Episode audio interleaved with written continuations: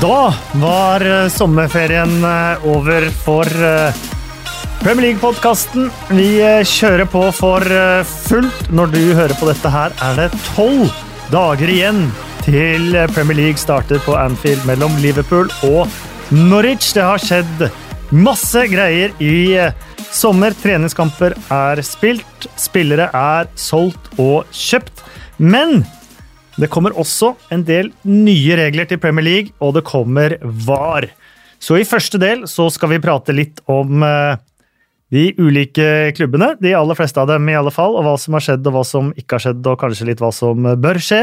I andre del så kommer eh, Premier League, eller tidligere Premier League-dommer Bobby Madley, for å sette oss inn i både regelendringene og hvordan VAR skal praktiseres i Premier League. For VAR kommer ikke til å bli praktisert eh, slik vi har sett eh, både i sommerens VM, i Champions League og i VM i fjor sommer. Så det gleder vi oss til. Inntil videre så har vi Espen Veen Hei, hei! og Endre Olav Osnes Hei, hei, takk. på plass i kokende hete her i Premier League-studio. Men aller først, har du hatt en fin sommer, Espen? Jeg har hatt en veldig eh, bra sommer. Jeg har akkurat kommet hjem fra, kom hjem i går, faktisk, fra treningsleir i Marbella. Det er jo sånn Premier League-lagene gjør det, så da, som seg hør og bør, så, så tok jeg noen, eh, noen uker der. Jeg, Har du sittet og sett på gamle kamper, kommentert de om igjen? eh, ja, det har jeg. Kjøpt meg en amerikansk fotball som jeg, som for å utvide litt perspektiv. Det var en tur i Porte Banus for å sjekke hvordan det var der. Det vet jeg ikke. Det, det, det var Premier Sto det til forventningene? Nei, det, ja, det sto jo til forventningene. Jeg har jo vært der, eh, innom der en gang før. Det, det er Premier League-nivå på bilene, i hvert fall. Eh, Jeg vet ikke om det er det på folka, det vet kanskje du, eh, Endre? Det er det ikke. noen av det er det. Noen, noen av folket er det. Men mens du egentlig bare har eh, blitt brun og feit, eh, Feit? så har faktisk Hæ? du, eh, Endre Olav, du har faktisk ligget litt i treningsleir i sommer. Det har jeg. Kommentert en god del eh, Premier League-lag. Det er jo mitt eh, lodd som eneste nesten eh, barnløse og i hvert fall single da kommentator. Det er at jeg må, jeg må på jobb, mens dere andre skal på familieferier og sånt. Så det har vært et kommentatormaraton, men jeg har tatt det litt sånn som eh, Premier League-lagene. Jeg har eh, prøvd ut eh, nye grep, nye metoder, finslipt uh, vokabulære.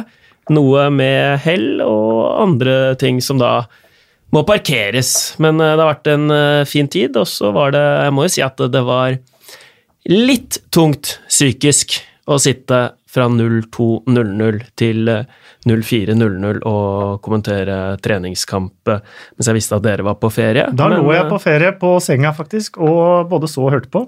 Det er hyggelig, og Ja. det, det var litt hyggelig med den eh, greia. At eh, jeg sa at det her er jo midt på natta, eh, men jeg ser at det er noe aktivitet på Twitter, og da våknet folk til live, ga seg til kjenne.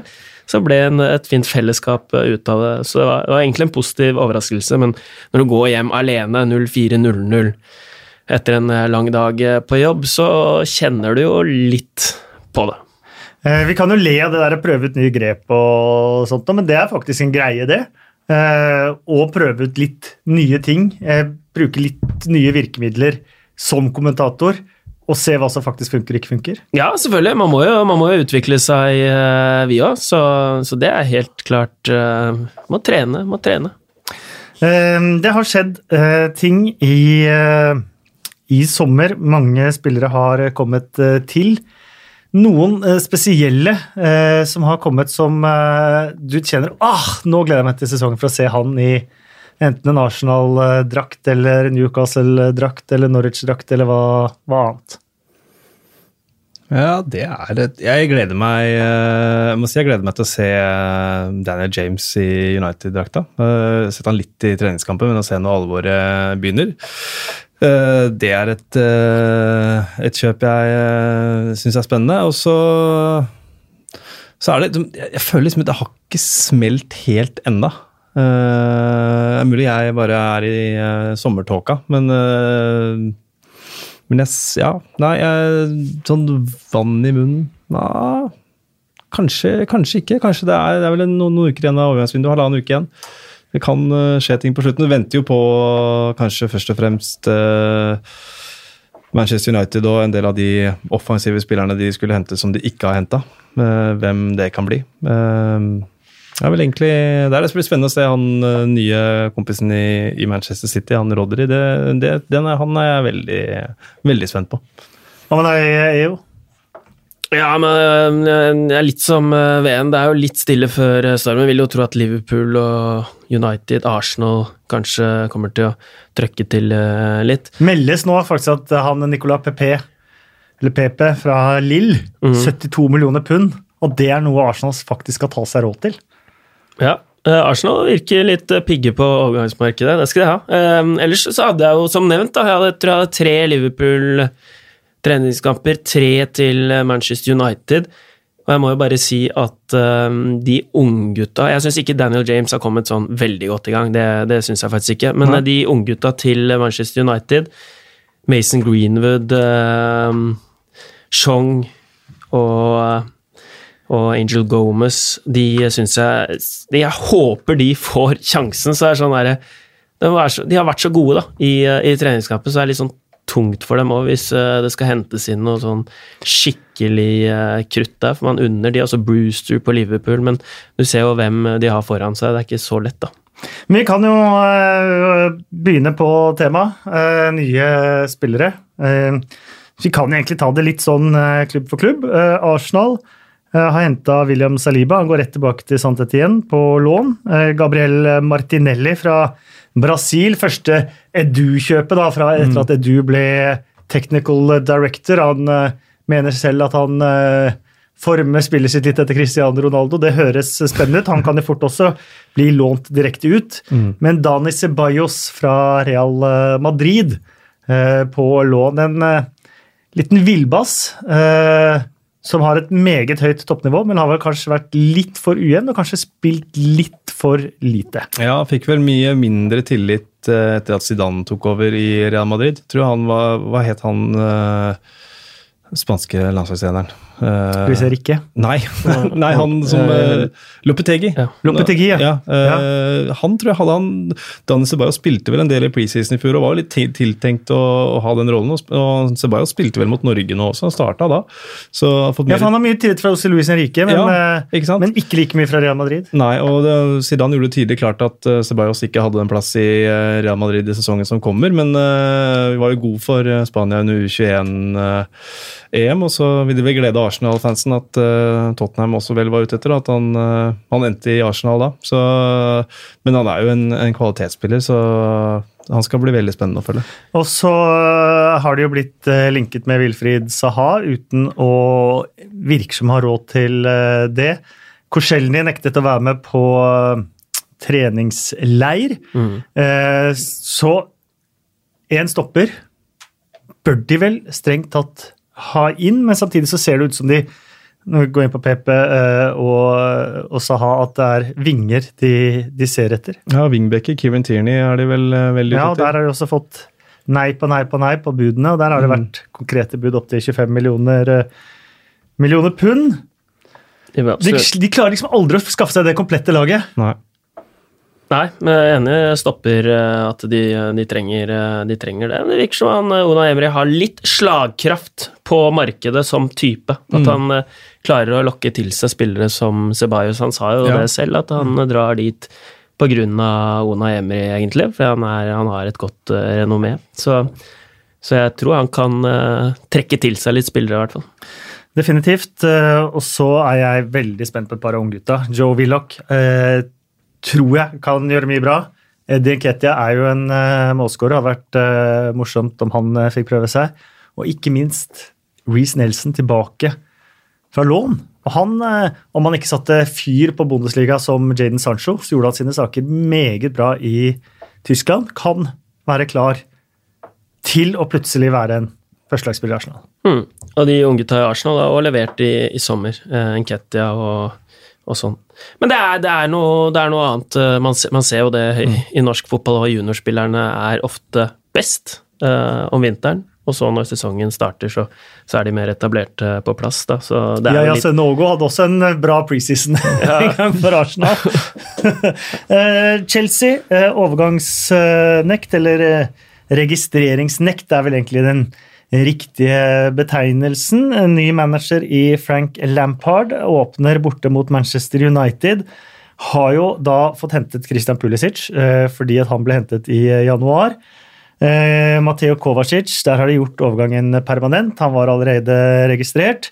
Og så har de jo selvfølgelig fått tilbake en del spennende unggutter fra lån, som antageligvis kommer til å spille en rolle. Da kanskje spesielt eh, Tammy Abraham og Mason Mount, men også kanskje spiller som Reece James. Og det er blitt sagt at endelig så kan eh, Englands beste akademi antageligvis også få spillere til A-laget, så det har de ikke klart før. Ja, det gjenstår å se, eh, selvfølgelig. Det er fortsatt en del seniorspillere der, og jeg tror vel Kovacic-kjøpet det Hadde ikke vært overgangsnekt, så tror jeg ikke de hadde signert av han eh, som de gjorde. Men eh, det er klart, den spissplassen der er interessant. De har vel fått tilbake Batshuayi også. Han, så da er det jo tre spisser som skal eh, kjempe, om, kjempe om spissplassene der, med Giroud som en uke. Jeg tror fort Giroud er førstevalget når sesongen starter.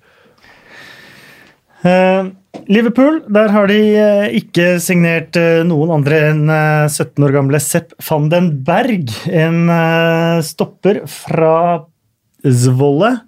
Annet enn det så har de jo laget sitt. Større bekymring der er det vel kanskje at når Community Shield-kampen sparker i gang, så har Mané hatt 16, dagers, eh, 16 dager fra forrige kamp han spilte, som var finalen i Afrikamesterskapet. Salah har vært med der. Um, Og det skjønner jeg Firmino godt. spilte Copa America. Um, Jeg kommenterte den finalen i Afrikamesterskapet, og det er noe av det villeste jeg har Altså, vanskeligste faktisk jeg har vært eh, borti. Det var så mye taklinger og så mye som sto på spill, og høyt tempo, og det var så ellevilt. da. Så jeg skjønner godt at han eh, trenger tre uker etter eh, det mesterskapet der man er. Men Liverpool er, står de litt i fare for å få en litt skeiv start på sesongen, eller? Jeg, jeg tror det. Jeg har hatt de, hatt de eh, tre treningskamper eh, nå. De tapte de to siste. Det var mot Borussia Dortmund og Sevilla. I hvert fall når jeg snakker eh, nå. Nå var jeg litt på ferie på den aller, aller eh, siste.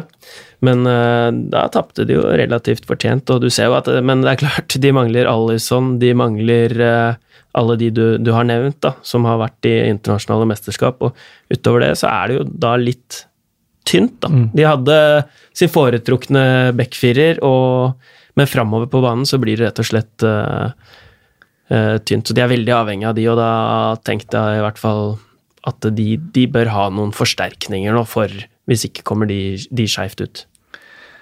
Um, de har ikke tapt hjemme på 40 kamper i Premier League. April 2017. De vant ikke ligaen, selv om de kun tapte én kamp forrige sesong.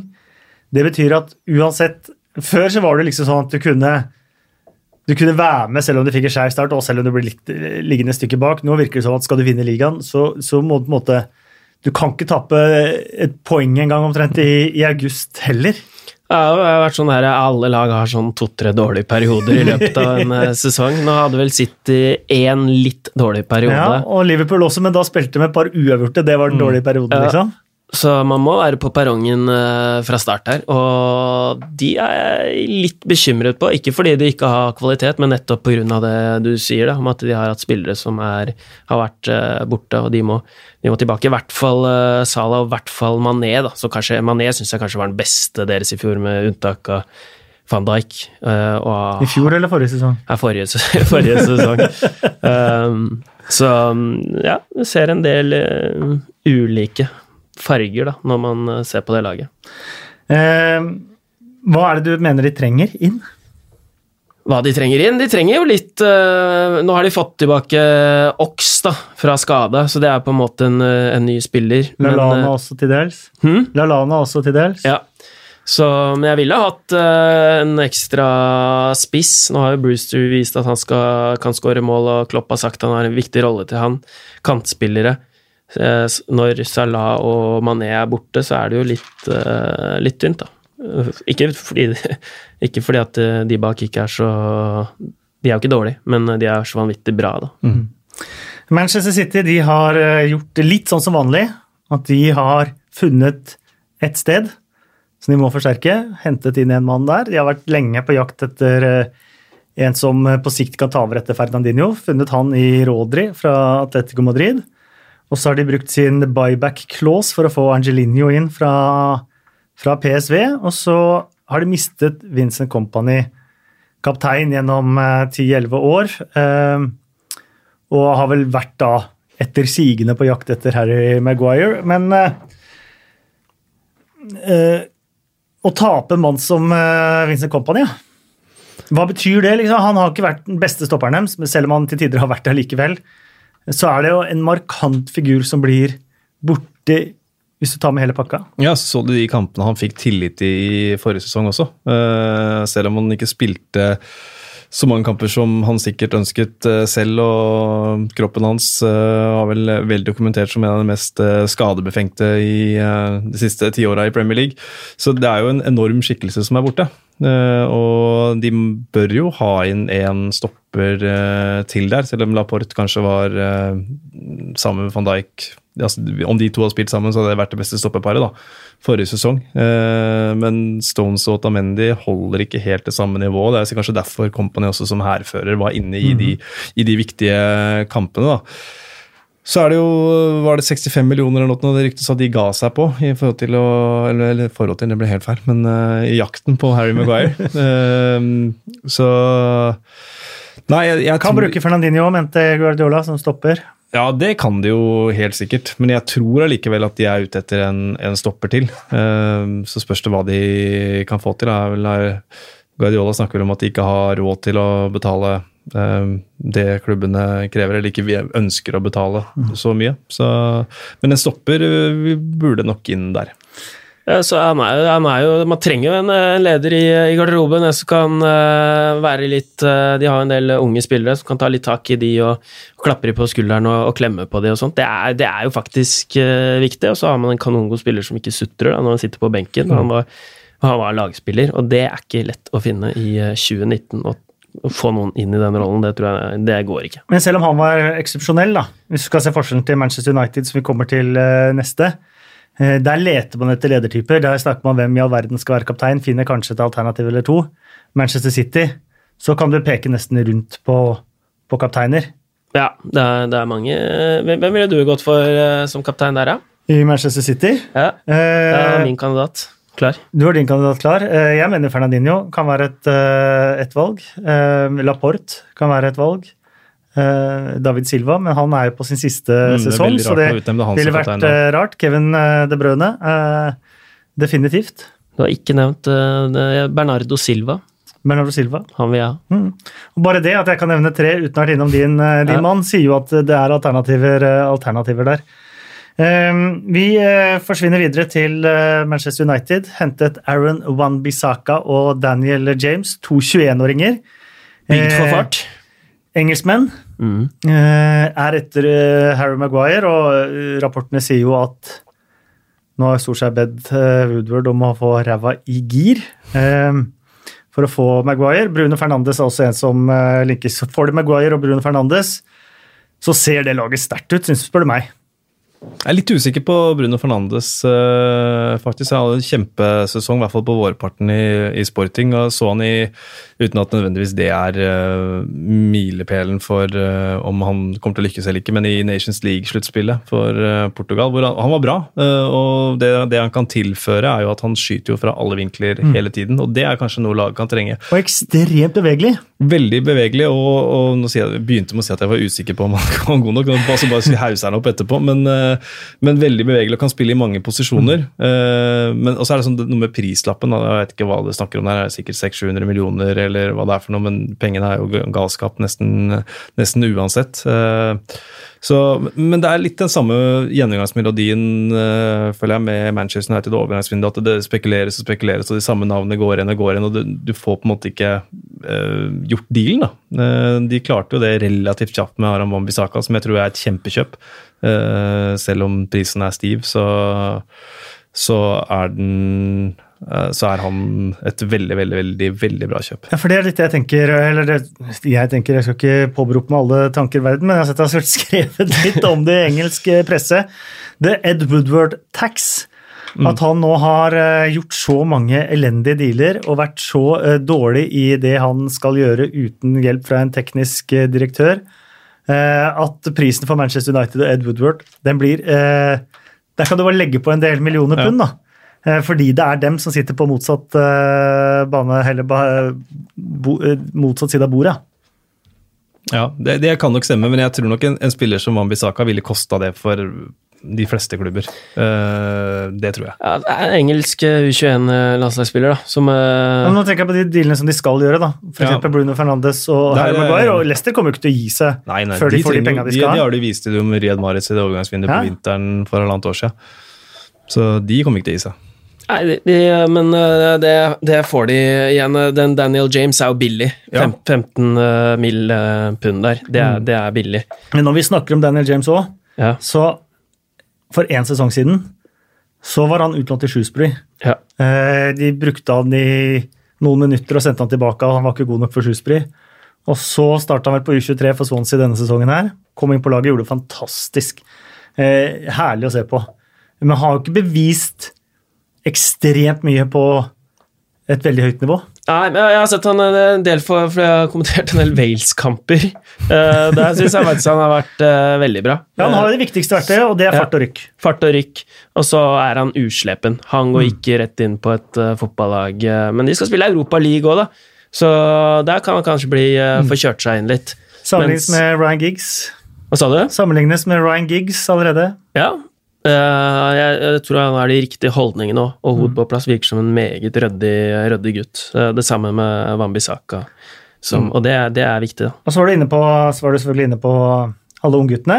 Uh, Mason Greenwood kan jo nevnes der også. Det hadde vært moro om en eller to av de hadde klart å gjøre det Rashford gjorde å bli en stjerne på en måte i Manchester United ganske hurtig. Ja, og det de har, som ikke Rashford og noen av de andre har nå, eh, det, eller det han har, det er jo faktisk at han er en goalgetter. Det er jo ikke Rashford per nå. Jeg så Solskjær slo oppgitt ut med armene fordi eh, det er, var gra masse gratis mål da, å hente inne på femmeteren hvis han hadde vært der. Der er ikke uh, Rashford, men uh, han skårer veldig mye fine mål uh, hvor han gjør ting på egen hånd. Men de enkle målene, de, de, gjør Greenwood, da, i tillegg til at han faktisk kan han har, han har et instinkt som jeg ikke har sett hos noen av de andre, så mm. det tror jeg Sol, Solskjær anerkjenner. Han tror, jeg, han tror jeg kommer til å få spille en del, i hvert fall komme inn en del. Eh, får Solskjær sparken før sesongen er omme? Dette er enkelt ja og nei. Nei. nei. Det er vanskelig, altså. Nei, det var et enkelt ja og nei. Uh, enkelt ja og nei. Uh, nei. Bra.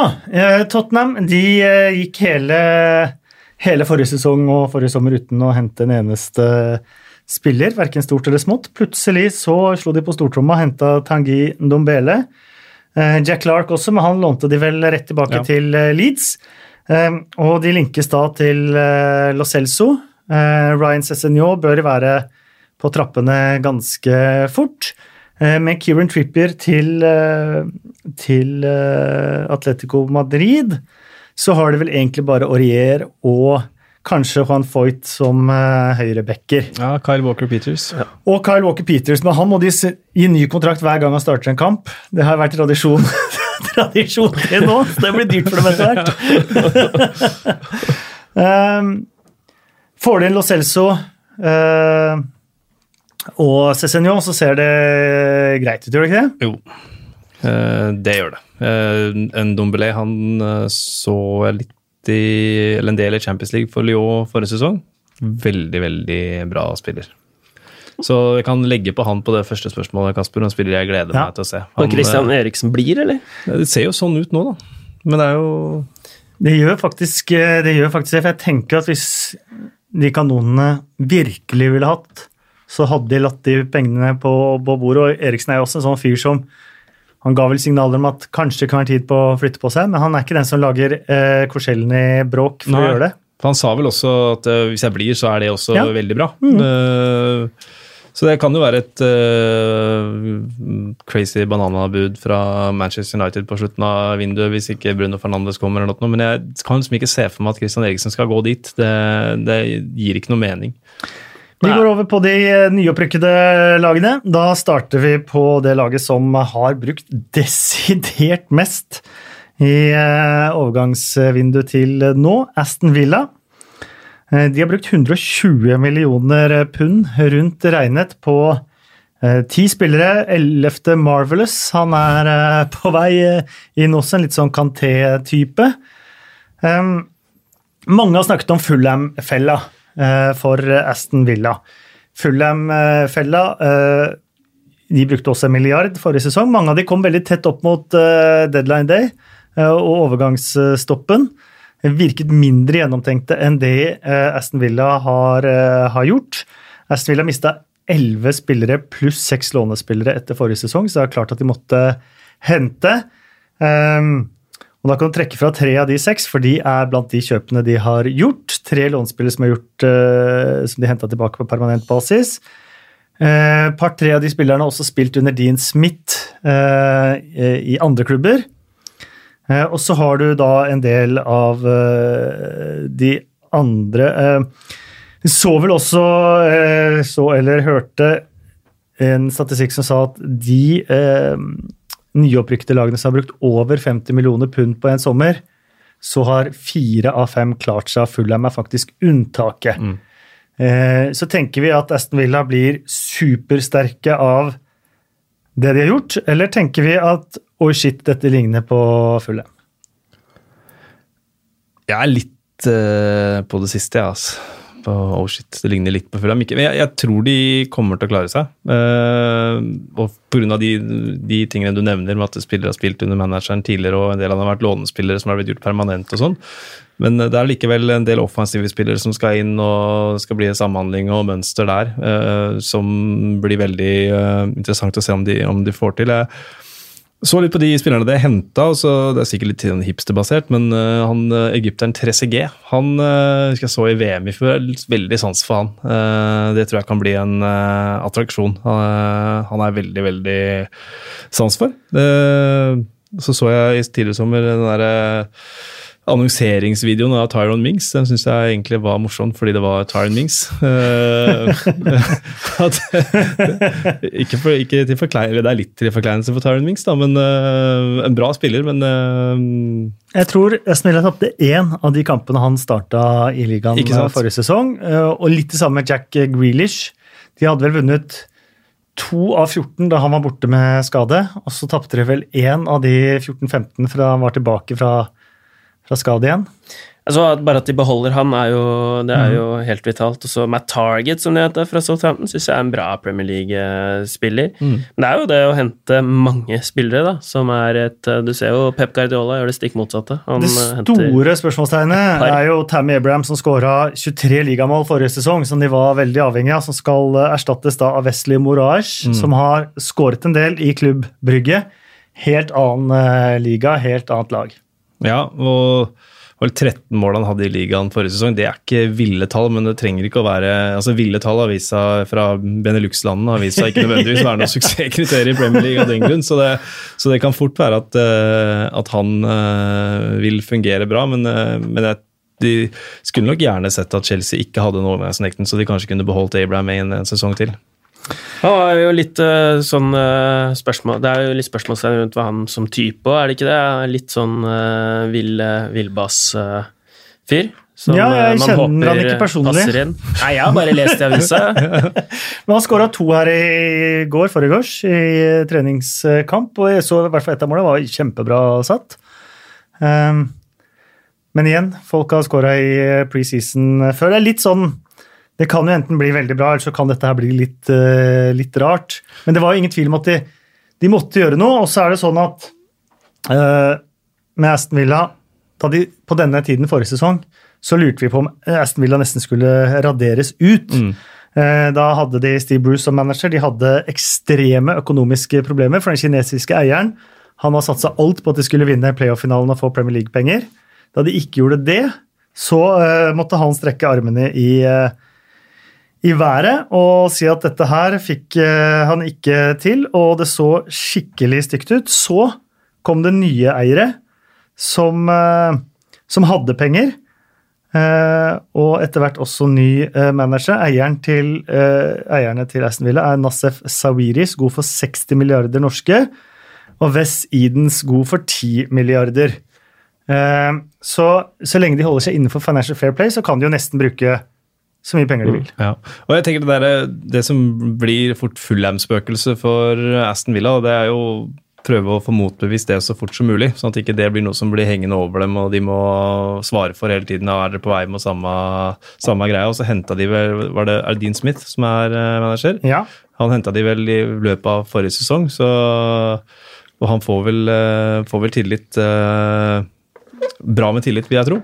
Han er jo en av flere managere nå, det er litt morsomt, i eh, Premier League. For det første er det flere engelskmenn enn det har vært på veldig lenge. For det andre så er det veldig mange managere som har et forhold til klubben de er manager for, enten som tidligere spiller eller som fan. Og Dean Smith er jo Aston Villa-mann. Samme som Steve Bruce har vokst opp som Newcastle-fan. Eh, Solskjær spilt i Manchester United, Frank Lampard, eh, Chelsea. Du har veldig mange av de managerne nå. At du har et ordentlig emosjonelt tett bånd mellom klubb og manager. Betyr det noe, Endre Olav? Ja, det er klart det. Det, får får autoritet òg i, i spillergruppa, og man, eh, man har eh, hjertet sitt eh, i det. Man ser absolutt eh, det. De bryr seg, om, bryr seg om klubben. Så mm, det har noe å si. Ja, så gir det jo sikkert litt, Bortsett fra Steve Bruce da i Newcastle, så gir det jo litt mer arbeidsro med tanke på supporterne. Mm. At de tillater litt mer, kan tillate mer formdupper uten at managerens hode kreves. Så, og det, det er jo en vesensforskjell antageligvis da, fra Aston Villa kontra, kontra Fulham eh, forrige sesong. Jeg var vel Jukanovic populær, men uh, eierne der de gjorde mye rart. Men eh, Steve Bruce han går ikke inn i den kategorien, Nei, nei. selv om han er fra Newcastle. Han gikk til Sunderland, og så snakka han dritt om Newcastle og supporterne før han returnerte. Så, så han har litt å bevise, faktisk. De som har gjort det tvert motsatt av Aston Villa så langt, av de nyopprykte, det er Norwich. Eh, Mens Aston Villa har brukt mest penger, så har eh, Norwich brukt eh, færrest. De har brukt totalt 750 000 pund til nå. Det var på Sam Byram fra Westham, ellers har de hentet Patrick Roberts på lån fra Manchester City og Josip Dirmic fra Gladbach, hvor han har vært svak og slitt med skader de siste to sesongene. Men før det så var det jo store klubber som var eh, etter, eh, etter eh, sveitseren. Det de derimot har gjort, det er å bli kvitt den siste rest av alle de enorme lønningene de hadde fra sist de var i Premier League. Steven Naismith, Matt Jarvis, eh, panikkjøpene, Nelson Oliveira. Eh, og det de også har gjort, det var jo Max Aarons, Godfrey, flere av disse unge spillerne har blitt linka til store klubber. Alle har skrevet på lange kontrakter av de de har lyst til å beholde. Egentlig så har nesten alle i A-lagstroppen skrevet under på kontraktsforlengelser i, i sommer. Ja, Josip Dirmic han er jo, selv om han ikke har gjort det så bra de to siste sesongene, så er han jo fast inventar i stort sett i Sveits sine landslagstropper, om det er eh, VM, EM eller Nations League, så er han stort sett i de troppene, og det er et kvalitetstegn, eh, spør du meg, selv om sveitsiske spisser på landslag ikke er synonymt med bøttevis med mål. Så kan det jo være en, eh, for de som er glad i Norwich, Kasper, kan det være en ny eh, Pukki-historie på gang, da, og og puste liv i, i noen som hadde det før. Ja, det er litt den, eh, den overgangsstrategien de har òg, med tanke på at det ikke er spesielt mye penger å, å bruke. De har betalt ned all gjeld, så de er i null der. De har, jeg var selv på treningsanlegget deres for to dager siden. De bygger et enormt treningsanlegg som er helt oppi der, Premier League-messig. eh, Og gjør alle de tingene der. Og så får de heller kanskje tåle et nedrykk, men har fortsatt svarte tall nederst, selv om eh, de skulle rykke ned. Og så vil jeg si at den viktigste signeringen de har gjort, som jeg ikke nevnte, er Ralf Færmann. Keeperen fra Schalke 04. Tim Krohl var vel kanskje lagets svakeste mann. Kanskje det svake punktet til Norwich eh, forrige sesong. Og Færmann med godt over 200 kamper for Schalke 04. Jeg sto ved siden av han for to dager siden, og han er en massiv figur. ass. Ja, Bundesligaen er jo keeperligaen, så det, det støtter jeg eh, veldig. Men eh, jeg skal ikke gjelde noe kaldt vann i årene dine eller de Timo Pukki Men det er noen spillere som eh, rett og slett briljerer på nivå to, da. Og så er det faktisk ja, var innom et en steg opp, og jeg frykter at han er der. var innom det på en Ja. diskusjon på Twitter her, eh, her om dagen, eh, faktisk. eh, Hvor det var en liste med spillere som har skåra mye i championship, men som ikke har klart det i Premier League. Men et synonym for flere av de var jo at de aldri har fått sjansen når man først kom opp i Premier League. Man sa jo at Glenn Murray er en sånn type eh, lenge, inntil han faktisk fikk muligheten som en fast spiss i Premier League. Da viste det at han skåra jo der òg.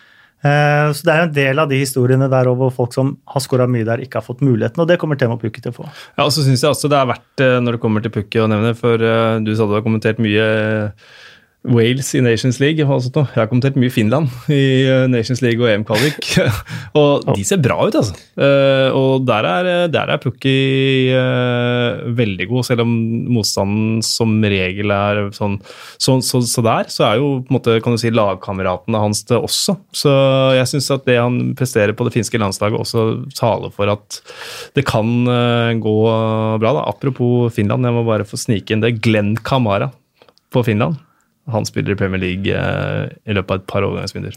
Eh, ja, han, eh, han har skåra seks på de siste ni landskampene for Finland, eh, Temo Pukki. Og så snakker jeg litt med han. han. Første kampen er jo på Anfield, og han var jo lagkompis med van Dijk i ja. Celtic. Eh, Så de kjenner hverandre. De har møtt hverandre på trening hver eneste dag lenge. Jeg spurte hvem er det størst fordel for. Han mente var størst for eh, van Dijk. Ja, men det, Timo Pukki trenger et lag rundt seg. vet du. There's no I in uh, Timo. Det er akkurat det. Bortsett fra, bortsett fra Finland. Der er det faktisk der er det masse I i teamet. Eh, Siste, Sheffield United. Um, De har også prøvd å, å kjøpe en del eh, spillere rett og slett for å freshen up til et nivå over. Det er ikke så lenge siden de var på nivå tre. Um, Jeg må jo bare si at hvis du ser på statistikk de siste er det fire sesongene, og det Chris Wilder har fått til Enda en spiller, manager som har et emosjonelt forhold til klubben. Både spilt og er Sheffield-gutt, Chris eh, Wilder. Men han rykka altså opp Northampton fra League 2. Så tok han over Sheffield United, som har rykka opp fra League 1 sesongen etter. Så etablerte han Sheffield United i Championship sesongen etter, og rykka de opp på fjerde sesongen. Eh, Det er ganske, fire ganske sjuke sesonger fra manager, spør du meg. Ja, er, Han er jo en manager som er nevnt i mange sånne hardtsatsende championship- championship-klubber også, hvis jeg ikke tar helt feil. Eh, Jeg syns det navnet har dukka opp veldig mange ganger mm. når, når klubber som presumptivt skal være i toppen av championship, skal ha ny manager, og kanskje i bunnen av Premier League, så det blir veldig spennende å få, få han opp. Og så syns jeg jo at Sheffield United, da, der har vi jo kanskje den mest romantiske overgangen i vinduet, med Phil Jagielka tilbake. Når han, han forlot dem når de rykka ned i 2007, for da var han for god til å bli med det. Og har vært i Everton siden og er nå tilbake. Eh, så får vi se hvor mye tillit han får, men eh, det syns jeg, synes jeg er Ja, fint, Å, ja, det er fint å ha inn en sånn eh, rutinert uh, hannløve, da, som uh, har vært uh, i sirkuset når de rykker opp der. Og ikke bare det, de har jo Billy Sharp på topp. eh, En notorisk målskårer. Sånn apropos målskårere på nivå under Premier League. Hadde sin kanskje beste sesong noensinne forrige sesong, eh, faktisk. Er Sheffield United eh, through and through. Kaptein. Ehm, og med opp eh, nå så fikk de Dean Henderson tilbake på Viktig. lån. Det har de jobba med hele sommer, tror jeg. Eh, Kanskje deres beste spiller forrige sesong. Og så har de Ravel Morrison. Etter noen kamper for Østersund så er Ravel Morrison tilbake i Premier League. Blitt eh, 26 år. Det kan jo ikke gå. Så kategorisk. Nei da. Eh, eller jo, jeg har ikke så mye det er, Men det er mer sånn der rykte altså det ryktet som forfølger han hele tiden. At det, men kanskje nå. Men eh, jeg har ikke veldig troa Uh, før, uh, før sesongen. Men uh, jeg håper jeg tar feil. Men han er jo litt sånn type også som et gudbenådd talent. Han var den mest talentfulle i det juniorlaget til Manchester United som bl.a. inneholdt Paul Pogpa, I hvert fall ifølge alle som spilte der og trente der og så de. Har fått alltid den ene kontrakten hver eneste gang det har gått gærent. Denne gangen er det første gang han måtte ta et prøvespill først. Ja, det, Eh, vært der to uker. Eh, sikkert hatt mange samtaler før det ble kontrakt. eh, blitt 26 år, ser at neste gang vil jeg kanskje ikke bare få kasta en kontrakt etter meg fra en eller annen klubb som tenker dette skal jeg satse på. Nå er det opp til meg. Mm. Det blir en spennende reise å følge. Ofte så ser man jo at det ikke går så bra, men eh, noen ganger så kommer vendepunktet. Så han skal jeg ha litt uh, under lupen, faktisk. Ja, så litt også på statsa til han uh, som de henta fra Preston, Callum Robinson, som har vært uh, målfarlig som kantspiller i, i championship i tre sesonger. På Preston, som vel ikke skal være helt der oppe. Ja, De har vært og lukta på det, faktisk. Ja, ja, men skal kanskje egentlig ikke være det. Eh, og prestert godt over tid for en klubb som kanskje tidvis har overprestert. Altså det blir også et spennende bekjentskap. Eh, har jaktet Ollie McBurney fra Swansea hele overgangsvinduet. Tipper det er en saga som ender med at Ollie McBurney ender opp i Sheffield United. Bare man blir enige om eh, pris. Vi må titte litt på de andre klubbene òg. Uh, Bournemouth uh, hentet Lloyd Kelly, en back fra Bristol City på 20 år. Det virker veldig spennende, spør du meg, men uh, burde vel kanskje handla litt mer. Ja, jeg er overraska over at de har sittet så stille i båten, men de var ganske, satt vel ganske rolig i båten forrige sommer også. Da hentet de vel han Jefferson Lerma. Eh, kanskje de hentet dem. Så henta de vel et par i, i vintervinduet også, Chris Mepham og Dominic Solanke. Så det kan jo være at, altså, Og de har sikkert brukt et halvt år på å spille seg inn, så sånn sett så er de kanskje på en måte i gåstein sommersigneringer, de to òg, da. Eh, De har et ungt lag, da, eh, med spillere som, eh, som har blitt ett år eldre siden sist. I hvert fall noen måneder eldre. Med Ja, du mener forrige sesong er i fjor, Fraser, så da er det blitt ett år eldre. Altså, det her er jo Det her blir jo Så, så det her blir spennende. Jeg tror det er lurt av de å sitte litt stille i båten. Brighton, ny manager Graham Potter. Eh, mange sesonger i Østersund, én sesong i Swansea. Nå tar han over etter Chris Huton. Eh, største overgangen de har henta, er vel Leandro Trossar. Han så jeg mye forrige sesong fordi han var i gruppe med Sarpsborg 08 for Genk. Ble sammenlignet med Eden Hazar. Eh, har jo sendt eh, Antony Knocker til eh, Fulham, eh, så han eh, skal vel ta litt av den rollen der. På sitt beste så er Trossar meget, meget god, men vanskelig å si før man har sett han på Premier League-nivå, hvor god han faktisk er. kan Ja, jeg si. Tenker den mest spennende overgangen for Brighton er manageren. Eh, se hvordan Graham Potter får sine ideer uh, ut i livet i, uh, i Premier League. Og selvfølgelig tungt for Chris Huton, men sånn fra uten, altså, utenfra da, så virka det som et riktig valg. Jeg tror Chris Huton hadde tatt Brighton så langt han kunne ta dem. Eh, så nå var det på tide med en forandring der òg. Det var fri, relativt fritt fall på våren der. Ja. Så det var, det var ekstremt fritt fall òg. Flørta med nedrykk lenge, og nå går det jo, kanskje i den fella mange har gjort det før, eh, skal bli mer spillende under Graham, Graham Potter. Eh, Burnley, der har vi enda en eh, litt romantisk overgang. Jay Rodriguez tilbake i eh, Burnley etter flere sesonger i Southampton, West Bromwich og, og litt her og der. Det er spennende. Det er jo herlig. Han har jo trykk i seg, han. Det passer fint inn i Burnley. Burnley er Burnley, så de, de er jo solide uansett. Ja, det er du sikker på? Det er jeg sikker på. Ok. Uh, Crystal Palace, uh, Jordan Ayew uh, tilbake i Palace nå permanent. Litt spennende med Alexander Sørloth. Jeg ser jo at han er med i preseason og, og holder på. Fins det en mulighet for Alexander Sørloth at han plutselig skal bli spissen til, til Palace? Ja, jeg, jeg har sagt det før, men jeg hadde den første kampen etter han kom inn, og da hadde jeg litt Crystal Palace i den perioden, og jeg syns han var Altså, jeg følte bare han var én scoring, egentlig, unna å få ting til å, Jeg ting til å løsne. da, Og så var det stanga, og det var god redning av keeper, og det var, det var så mye uflaks. da, Så når han nå har blitt litt eldre, lært litt mer, kommer tilbake for andre gang, det er lettere, og får en oppkjøring, så så tror jeg det finnes en mulighet, men han øh, har selvfølgelig et press på seg med tanke på det sluttproduktet. da, fordi Jo mer man begynner å prate om at spisser ikke skårer mål, jo, jo verre blir det jo. Men han har jo han har det verste utgangspunktet man kan ha. Så i hvert fall som, som spiss er kanskje litt særegent. at Du får i beste fall nå et ti minutters innhopp, kanskje 12-14 minutter. Og du må levere på de få minuttene en scoring, eller så blir de mulighetene til seks minutter og til null minutter og ut av troppen. Å spille med det presset, de få innhoppene man kanskje får, Det er ikke et godt utgangspunkt. Og når du i tillegg tenker fansen, de har gitt han opp. Mm. De tenker nordmannen er ræva. Uh, jeg mener jo at jeg er helt enig med deg. Han var den annullerte skåringen kanskje på Stamford Bridge. Serieåpning mot eh, Fulham forrige sesong. Eh, nå husker jeg ikke hvem som kom mot keeper, og hvis han hadde bare dytta han til side, så hadde Sørlandet hatt åpent mål i ligaåpninga, liksom. Han hadde antakeligvis bomma, da. Eh, nei, det tror jeg ikke han hadde. Han har også, jeg syns også det at nivået er der. Eh, flaks, uflaks og det mentale har begynt å spille en rolle. Ja, men han, øh, han har helt Du så jo det på, på landslaget, òg, at han var, øh, han var ganske ribba for selvtillit, øh, enkelt og greit, etter det første oppholdet. Men, men å få en oppkjøring, da, bli ordentlig kjent med folk og sånt, så er det muligheter, det her. øh, For han kommer jo litt an på hva som skjer med han øh, andre spissen, selvfølgelig.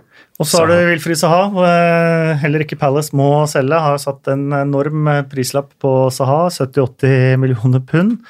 Og eh, linkes til Everton nå også, da med et par spillere i retur, bl.a. Cenk Tosun. Sånn apropos Ja. spisser. Mm. Eh, Men uten Saha, hva var Palace? Fint lite. Offensivt fint lite. Ja, de spilte jo helt uten øh, plan. Eller planen var jo Saha og Townsend og de gutta til å kjøre overganger. De var godt organiserte bakover, men framover var det jo Det var jo egentlig enmannsshow, og jo mindre Palace av ballen, og jo bedre motstanderen er, jo bedre blir nesten Saha, da. Så for hans del så tror jeg han bare bør bli i Crystal Palace, for han er best når han kan fungere som et enmannsangrep. Han er ikke noen relasjonsspiller i det hele tatt. Men vi kommer jo til Everton nå. Eh, Hadde Everton fått Saha og kanskje en skikkelig spydspiss også, hvis Calvert Lewin ikke klarer å skåre de eh, måla. Eh, har henta André Gomez permanent. eh, har henta Fabian Delf. Det betyr vel antageligvis at Idrissa Gay endelig får dra. Har annonsert nytt stadion ved Mercys eh, bredd. Det var stilig. Ja, og ganske trist, i og med at det blir jo da Premier Leagues fineste arena som forsvinner. Um, Det blir jo det. men Everton, er de, eh, er de klare til å dytte én av topp sekserne ned fra topp seks? Da tror jeg de må ha en Saha inn. Eh, og én Saha. Eh, de har jo hatt Louis, så du får Wilfred inn, da. Eh, Det er ikke samme hvilken Saha. Nei, nei, nei. nei. Eh, Men eh, jo, og de har vel også Viste jo for et par somre siden at de har økonomiske muskler, selv om selvfølgelig de solgte Lukaku, men vi har jo lært at det er ikke så enkelt som bare kjøp og salg, så det, har du de penga tilgjengelig. Eh, Men jeg tror de, de kan ta seg råd til eh, Louis Saha, nei, Wilfried Saha. Eh, Og jeg tror de er litt den type spiller unna, for de ser ut til å slite med å finne den spissen som skårer mål. Da. Og hvis du kan få det fra andre sider, det var vel Gylfi Sigurdsson som var både toppskårer og mest assist for dem forrige sesong. De, de, har et, eh, de så vanvittig bra ut eh, på våren. Så altså, det her er et lag jeg eh, liker. Og Men skal ikke glemme at Kurt Zuma antakeligvis ikke kommer tilbake, for han blir i Chelsea. ja, hvis han ikke det, Han var ekstremt viktig, da. Han var jo, synes jeg var en av de beste I, i, i våres så var han en av Premier Leagues beste stoppere, så han burde jo, burde jo Chelsea ha. Men uh, det er viktig, og Idrissa Gay er viktig. Fordi uh, Gomez eh, kommer inn, men han trenger en uh, Idrissa Gay rundt seg. Men Men Han- Fabian Delf, kan han gjøre jobben? Som ikke akkurat den jobben. Nei, jeg er enig i det. Det er ikke like bra. Men Calvert Lewin han kommer til å, han er vass. Han er vass. han, han har Kane-potensial i seg. Ja, han- det sa ungdomstrenerne når Ja, ja. han kom opp der og, Ja. og sånt. Og han, eh, han er ekstremt eh, skarp. Ja, enig. Uh, Lester, Tilemanns fikk de tak i permanent. Ayose Perez har kommet. Eh, og Harry Maguire han holder de fast ved foreløpig. Ja, det Ja, jeg tror egentlig de klarer å holde fast ved han øh, også, ja. altså. Det tror ikke jeg. Nei, jeg tror ikke. Jeg tror at de kommer de 80-90 millionene som trengs. Jeg tror Manchester United kommer til å punge ut. Ja. Dette snakka jeg med Petter Myhre om. Han har klokketro på det jeg er enig med. Hvis eh, altså, de beholder de gutta, får inn Nå har de fått inn Ayose Perez, som var helt vill eh, på våren.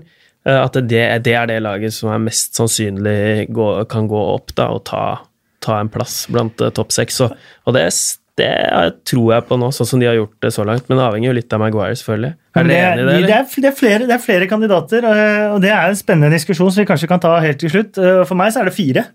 lag som jeg mener har potensial til å ta topp seks. Det er en, av, Leicester, en har vi ikke snakka om ennå. eh, det er Westham, eh, og det er Wolverhampton, Ja. eh, og det er Everton. Ja. Ja, ja, ja, jeg er helt enig i det. Hva sa du nå? Watford? Nei, Nei, ikke Watford. Everton.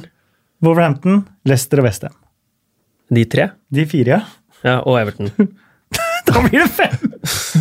Det er ekstremt varmt i studio her nå, faktisk. Det er det. Hetebølge. Jeg så du prøvde med fingra der, men ja, Ja, men jeg sleit sjøl, jeg tenkte Ja, ok. det er noe som er Leicester, Westham, Everton, Wolverhampton. Ja. Det er fire lag. Ja. Det er de fire jeg føler har potensialet Men var vi ikke på fem? til å kyle eh, en av topp seks ned fra topp seks. Fem var Watford, men det var ikke Ja. Kasper sin. Nei, det var ikke blant mine. Det er blant mine. Jeg mener at de ikke har noe potensial til å havne topp seks. Ta ut de, jeg tar ut Westham, og så setter jeg inn uh, Men vi, vi kommer til de. vi kommer dit. Eh, Teaser. Newcastle, eh, der har det vært eh, mye bråk i eh, sommer. Rafa Benitez dro til Kina, tok med seg Rondon. Ayose Perez også eh, bort. Det er jo nesten 25 mål det fra, fra forrige sesong eh, ut. Så bestemte de seg for å bruke penger på Joelinton fra Hoffenheim, 22 år gammel brasiliansk eh, angriper, som Rafa Benitez ikke mente var verdt halvparten engang. Ok. Ehm, Så da blir jo spørsmålet om Joelinton kan være mannen da, til å skyte Newcastle til Er det fornyet kontrakt som er målet deres? tenker jeg vi Ja. tenker jeg vi, i hvert fall eh, Hvis man ikke har noe, noe hjerte i eh, klubben, så tenker jeg at et realistisk eh, mål bør være å beholde plassen. Absolutt. Så veldig mye avhenger av Joel Linton der. For Don sin styrke det var at han var pålitelig, han var til å stole på. Han leverte jevnt og trutt og akkurat det han, han skulle. Ayose Perez der mister de sin beste fotballspiller i vår. Eh, Så det er et stort tap, og Rondon kanskje den nest beste. Men Almironda Så- ga jo massevis av, eh, ga jo massevis av positiv energi. Ja, den er, glede. den er jo blåst bort nå. Den, han ga glede, så vi, eh, han, kommer, han kommer jo til å blomstre, han, da. Så det, det, de kommer jo til å holde seg. Steve Bruce, han er jo Det var jo hyggelig at de fikk seg en uh, trener der, på et tidspunkt. De måtte jo ha en trener, i hvert fall. Er det ikke enig i det? Jo, det, måtte, og vi, det spesielle med det er at nå har han trent Sheffield United og Sheffield Wednesday. Han har vært manager i Birmingham Aston Villa og Sunderland og Newcastle. Han har dem å ta begge rivalene fra ett sted. Ja. Han, eh, han har jo ingen troverdighet eh, der. Og det, er, eh, det store tapet her er jo selvfølgelig Det blir jo Alle vet jo det, men det er jo Benitez. Han, han var jo veldig flink med samfunn, lokalsamfunn, og stilte opp på ting og, og brydde seg, og så kommer det inn en eks-Sunderland-manager som har- snakket ned Newcastle. Så han er en jobb, men, men han er jo Han tar jo ikke det her til noen next level, det gjør han ikke, men jeg tror han er mm, fin til å holde dem oppe. For meg så virker det eh, man, All mulig sympati med Newcastle-fansen og, og alt og måten, eh, måten eh, klubben har blitt eh, drevet på siden han kom, har vært helt hysterisk dårlig. og jeg, jeg skrev en blogg om det, og da, da kom jeg over hvordan Newcastle så ut de 14 årene før Ashley tok over, og hvordan de så ut de 12 årene etter. De har vel vært én gang i Europa, har en femteplass på de tolv årene. Um, to Nei, det er kanskje eneste topp syven de hadde. Nå husker jeg ikke helt den statistikken fra bloggen jeg skrev. Um, og de har vært én gang i Europa. På de 14 årene før Mike Ashley var de ni ganger i Europa i to FA Cup-finaler og hadde sju, åtte, ni topp sju-plasseringer. Var med i kampen om ligamesterskapet en gang. òg. så det er ingen tvil om, at, tvil om at Mike Ashley har tatt denne klubben helt feil retning. En enorm klubb. Samtidig, eh, Kevin Nolan ble jo slakta av Newcastle-supportere for å si at uh, Rafa Benitez var god til å play the media.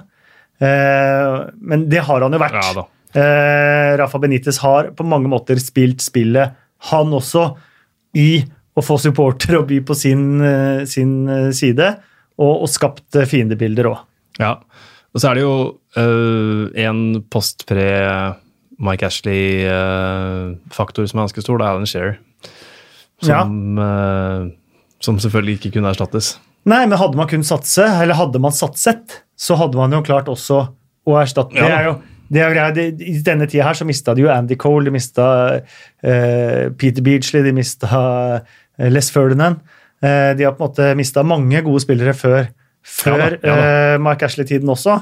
Eh, og, det, og under McAshley har det et par nedrykk i tillegg. De, de, de er en klubb i, i fullstendig kaos. og Ja, Det er ikke noen tvil om. Ja, det er jo et lag eh, som uh, i utgangspunktet burde vært opp uh, topp seks. Altså, ja, Da jeg vokste opp, så var det jo Ja, samme, samme her. Så det er, jo, det, er jo bare, det er jo bare trist, egentlig, at ikke, han ikke bruker noe penger. Men han, da må han selge aksjer. Det er det som er Men nå har han jo brukt 40 millioner på Joelinton, da, så får vi se om det Han er ikke likvid, da. Ja. Han har pengene sine bundet opp i aksjer, sier han. ja.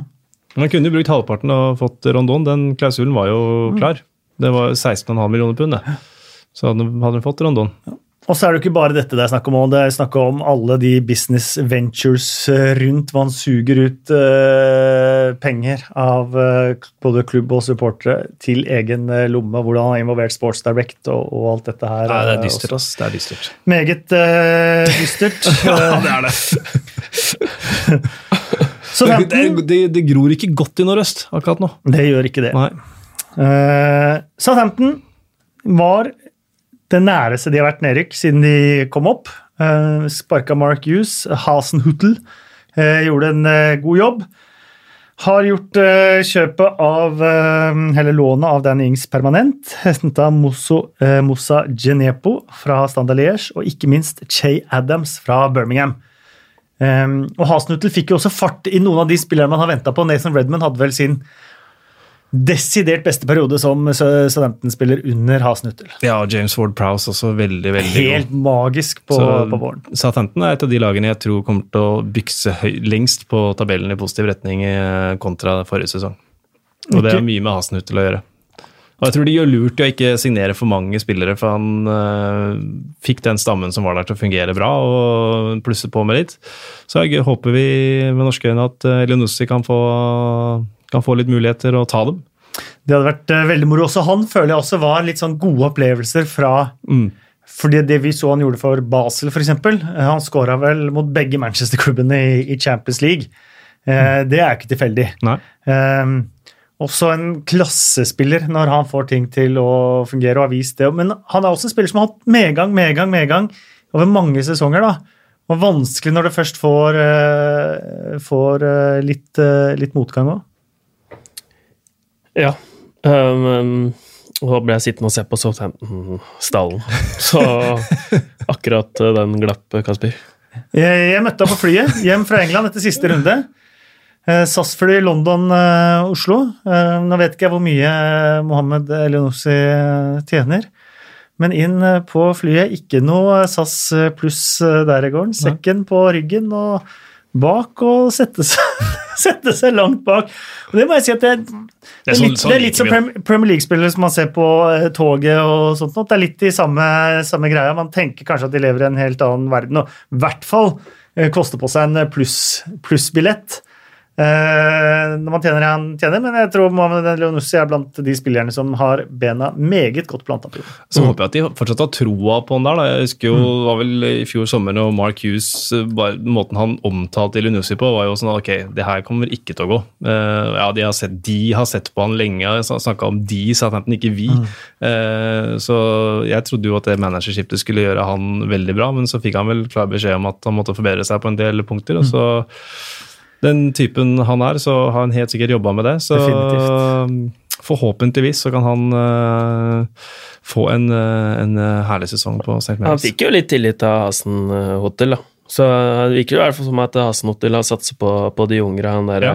Jan Valeri. Ja, det var jo litt inn i Mm. den rollen, da. Det Mm. tok jo litt uh, plassen egentlig til Moey, men ung fyr, og han Obafemi, uh, som var spiss der, som ble skada, da. Han òg spennende. Det, det blir bra, det der. Håp, Ja, det. håper virkelig at han eh, lykkes. Jeg liker at han setter seg bak på flyet. Mm. Ja, jeg også altså liker det meget, meget uh, godt. Og jeg, jeg tror det forteller litt om i hvert fall det å være Ikke miste seg selv oppi dette her, da, å være en helt eh, normal, jordnær, vanlig, vanlig menneske. Watford, eh, som Endre Olav har ståltro på, har hentet eh, Craig Dawson. Eh, en eh, rutinert Premier League-forsvarer. Kan spille både stopper og høyre back. Men de har hentet Tom Dele Bashiro, fra Manchester Citys U23-lag. En spiller Manchester City visstnok ville strekke seg veldig langt for å forlenge med, men som har, da antageligvis har fått lovnader om førstelagsspill i, i Watford. Eh, som blir, eh, blir spennende. Hva slags type er han, da? Jeg har sett litt for lite til på Manchester Citys U23-lag til å vite det. Eh, han har vel ikke hatt noe eh, store utlån eh, heller hvor det har vært mulig å se spesielt eh, mye på han, så det får vi vel bli kjent med utover i sesongen. Men var Watford en sånn litt sånn one-off forrige sesong, eller er de eh, et øvre halvdel etablert lag nå? De er så, så solide over så lang tid, de, og de, klarte også å hente seg opp fra litt sånn dårlige perioder. Så jeg har troa på de sånn rundt midt på tabellen. Jeg har nok ikke like klokketro på dem som deg, Endre. At de skal eh, opp og snuse på um, topp eh, sju, eh, seks, sju denne sesongen. Men jeg, jeg, tror de er et solid midt på treet-lag. Altså. De, de, er solide. Altså. De har mest velfungerende midtbaneduoen i Premier League, med ja, Docoré og Capo. Også. Deolofeo og Pereira der uh, framme. Det, det, der er et solid fotballag. Og hvis mm. de får inn en Manchester City Hvis det er en Manchester City har ønsket å strekke strikken langt for, da, så, mm. så er jo det selvfølgelig en kanongod eh, fotballspiller som kommer inn i et uh, velfungerende lag. Det er litt sånn on-off-lag, det er det, men uh, de har så mye kvaliteter at de er, de er et uh, bra Premier League-lag. Absolutt. Et av de lagene jeg syns virker mest spennende før denne sesongen, det er Western. Uh, har egentlig like klokkertro på Westham som du har på, på Watford, uh, Endre Olav. Uh, har endelig blitt kvitt uh, Arnautovic, det tror jeg var uh, viktig. Uh, Henta Sebastian Haller fra Frankfurt som erstatter. Veldig spennende spist. Henda en enda spennere spiller i Villarreals offensive midtbanespiller Pablo Fornals. Mm. I tillegg til to reservekeepere til, til Fabianski. Eh, han ene igjen en meget romantisk overgang. David Martin, som ble veldig kjent som Millwall-keeper da han rota inn eh, baklengsen i eh, FA Cup-kvartfinalen, var det det? På overtid eh, mot Brighton, tror jeg det var. Ja, stemmer. Eh, da de hadde hele kampen i sin hulehånd. Men han er jo sønnen til Westham-legende Alvin Martin, ah. eh, som kommer inn, kommer inn der nå. Men Westham, sånn som de på mange måter så ut forrige sesong Jo lenger de har spilt under Pellegrini, jo mer så man at de begynte å ligne på et, eh, på et topplag. Mm. Eh, har jo rammene rundt nå til å være topplag, satser jo som et, eh, som et topplag. Men jeg tror de har potensial til å bli et topplag. Ja, så får de jo Jarmolenko tilbake, som mm -hmm snakkes jo ofte om det når spillere kommer tilbake fra skade. Oxy i Liverpool, ny signering. Det blir jo på en måte Jarmolenko også. Viste jo veldig mye bra uh, før han ble alvorlig skada. Var det Killesen som røyk på han? Uh, et eller annet sånt. Ja, det var det. Uh, og Sebastian Haller er veldig spent på han uten våpendragerne Jovic og Rebic, som han hadde i Frankfurt. Som gode våpendrager i Westham. Jo da, men den trioen, den var, den ja. var dødelig, altså. Ja. så det skal nok Og han Sånn som jeg så han da, så fungerer han vel best sammen med noen. Eh, så det blir jo spennende om Pellegrini velger å ha en partner til han, da. Eller om uh, han kjører 4-5-1. Uh, eh, men Haller har jeg veldig veldig tro på. Har liksom alle de forutsetningene mm. som skal til for å være en Premier League-spiller. Høy, rask, sterk. Uh, så Apropos Lanzini kom jo tilbake etter hvert utover på våren der. Så ja. han inn der òg. Så jeg, jeg, jeg kjøper Andersson, ja. ja. Filippe Andersson, ja som uh, da har fått litt uh, kamper under, Premier League-kamper under beltet. Det, det, jeg kjøper argumentet ditt, uh, Kasper. Det er bare at jeg har forventninger til Westham hver eneste ja, sesong. Så de har på en måte hatt en tendens til å ikke innfri forventningene. Men jeg tror de er fornøyd med at de ikke hørte på gamle klubblegende Tony Cotti etter fire kamper forrige sesong, som mente at man burde sparke Pellegrini og reansette David Moyes. Ja. ja. Vi diskuterte jo det. Jeg var jo klar for å sparke Pellegrini ganske tidlig i forrige sesong VN, du jeg sa gi han til jul. Ja. Det, er, det, er, ikke ofte man treffer, men eh, det er Jeg syns du treffer hele tiden, Espen. Du er så flink, altså. Der du er utrolig flink. Følte jeg traff den, i hvert fall. Wolverhampton var, eh, om ikke en sånn surprise package, for de traff vel ca. der eh, jeg hadde tippa de på eh, tabellen. Eh, Men eh, de imponerte forrige sesong. Ikke gjort eh, noe annet enn å gjøre lånene til Jimenez og Den Donker permanente før de signerte Jesus Vallejo eh, på lån fra Real Madrid. En klassestopper, det er vel på mange måter det de har savna litt i det laget. Bortsett fra det så er det komplett. Men de har jo nå en annen faktor som har vist seg å være veldig usunn for mange lag. Vi har sett det apropos Westham. Vi så det med Burnley forrige sesong. Eh, Flere av de som må gjennom denne europaligakvaliken før sesongen starter, når ikke troppen er den aller bredeste, at de har slitt, spesielt i inngangen til en Premier League-sesong. Det er jo den situasjonen Wolverhampton er oppe i nå før denne sesongen. Ja. Og blir, men så, de har jo også som Adama Traoré, som var mye innbytte forrige sesong, så Assis not Crusaders. Ja, jeg så det. Eh, så han er i gang, og det kan jo kanskje tyde på at uh, Nuno Espirito Santo kjører kanskje ikke Premier League-laget 100% i Europaliga-kvaliken. Uh, vi får se når motstanderen blir bedre enn Crusaders, men uh, jeg, er jo er fryktelig glad i å spille Europa der, da.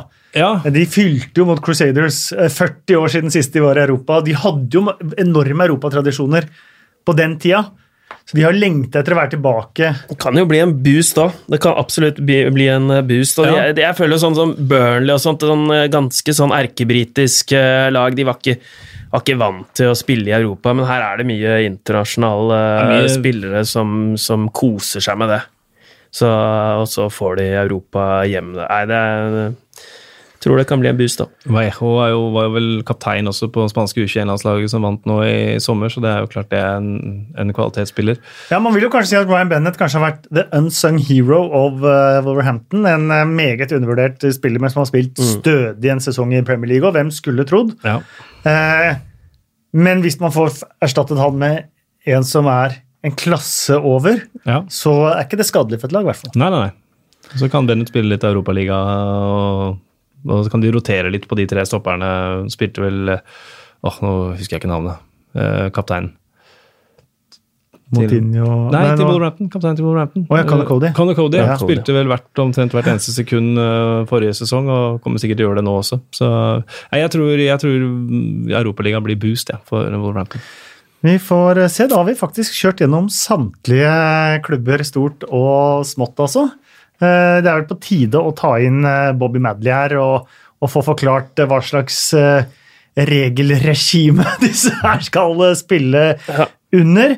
Kan jo si det, da, før vi tar inn Bobby Madley her, at det kommer podkaster på løpende bånd før sesongstarten, blant annet egne spesialutgaver med intervjuer med Chelsea, Norwich, Bournemouth, Westham.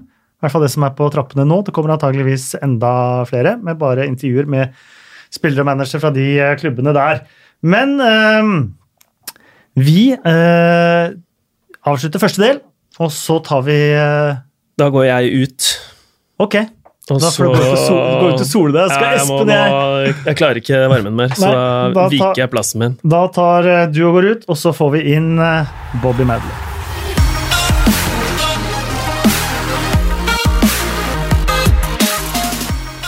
Da har vi kommet til eh, noe av det som eh, eh, er viktig både å vite og kunne, i hvert fall som kommentatorer, men også som fans og tilskuere. Det kommer altså en del regelendringer foran den kommende Premier League-sesongen.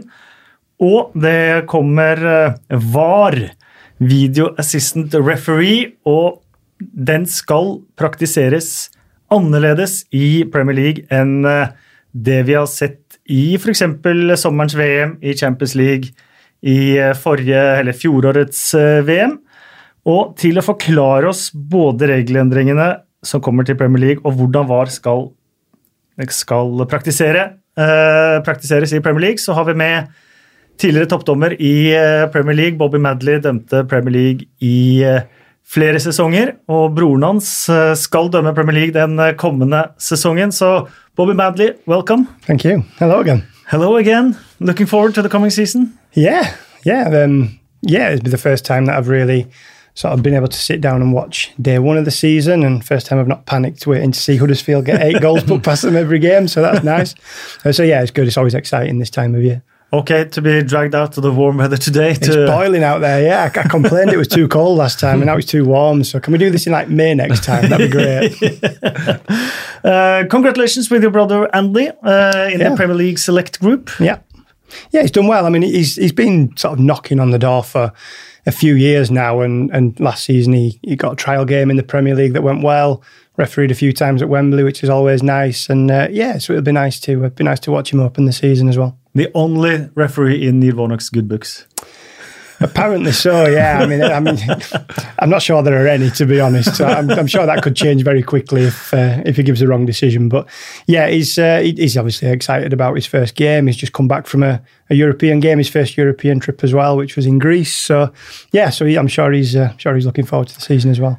And uh, Osset uh, FC, um, I'm subscribing at uh, to when Saturday comes, and they had a had a photo uh, photo reportage from uh, from Osset uh, FC, and I saw the Norwegian flag. Yes. Norwegian supporters club of uh, Osset, uh, and I text you. Yeah. I said, "Did you know that Osset have a Norwegian supporters club?" I was like, yeah, I started it. So yeah, so I've, I've, I've started this. We've got the Norwegian flags up there. The Swedish flag is there as well. Peter Orland from Sweden, he comes over to watch the games. Um, so yeah, so we're, we're just trying to build the brand now. Obviously, their season's starting soon as well. I'm back in England next week, so I'm going to go and uh, and watch one of their games. Maybe referee it, but we'll uh, we'll see. Just the pre-season games Yeah. before anyone accuses us of nicking three points. So yeah, it'll be good. it's at eighth level, is it? I think it's the eight, yeah eighth level. Yeah, yeah. Yeah. So, but they're averaging 500 fans last season. Yeah. So, and they're building. So it's uh, it's the fan base is really good, and the town's excited again. Litt som uh, Sunderland. Espen.